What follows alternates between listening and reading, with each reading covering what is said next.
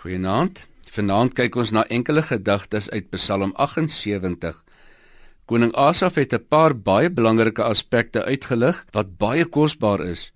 Ek lees in vers 3 en 4 wat ons gehoor het en weet en ons vaders ons vertel het, sal ons nie verberg vir hulle kinders nie, maar aan die volgende geslag vertel die roemryke dade van die Here en sy mag en sy wonders wat hy gedoen het. Getuienisse oor die dade van God is van kardinale belang om oor te vertel. Basies van die dade van die Here het stil geraak, bloot weens die feit dat mense dit nie meer oor vertel nie.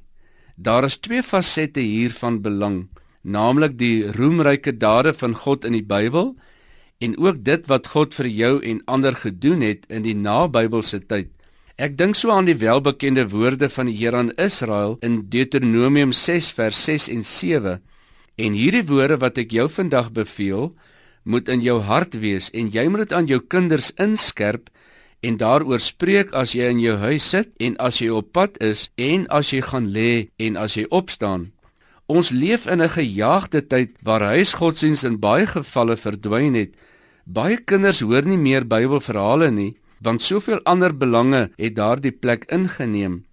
Is dit nie juis waar ons hoop en krag vandaan kom nie? Juis van die roemryke dade van God. Dit is waar geloof gebou word, vertroue verskerp word, kennis bemeester word. Ja, daar leer jy God beter ken.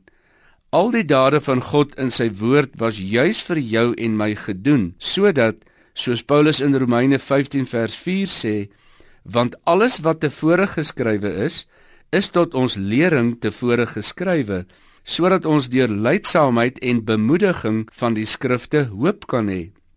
In vers 4 van Psalm 78 is daar 3 dinge wat oorvertel moet word, naamlik die Here se roemryke dade, sy mag en sy wonders wat hy gedoen het.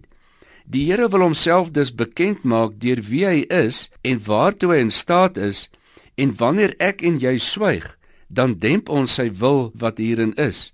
Hy is die God wat verheerlik wil word en hierdie is drie baie noodsaaklike aspekte om dit te doen.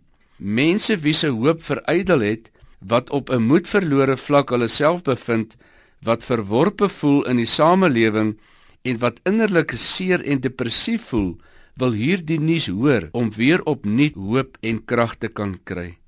Ag Here, baie dankie vir die roemryke dade wat U in die Bybel vir ons opgeteken het dat ons daardeur hoop kan kry.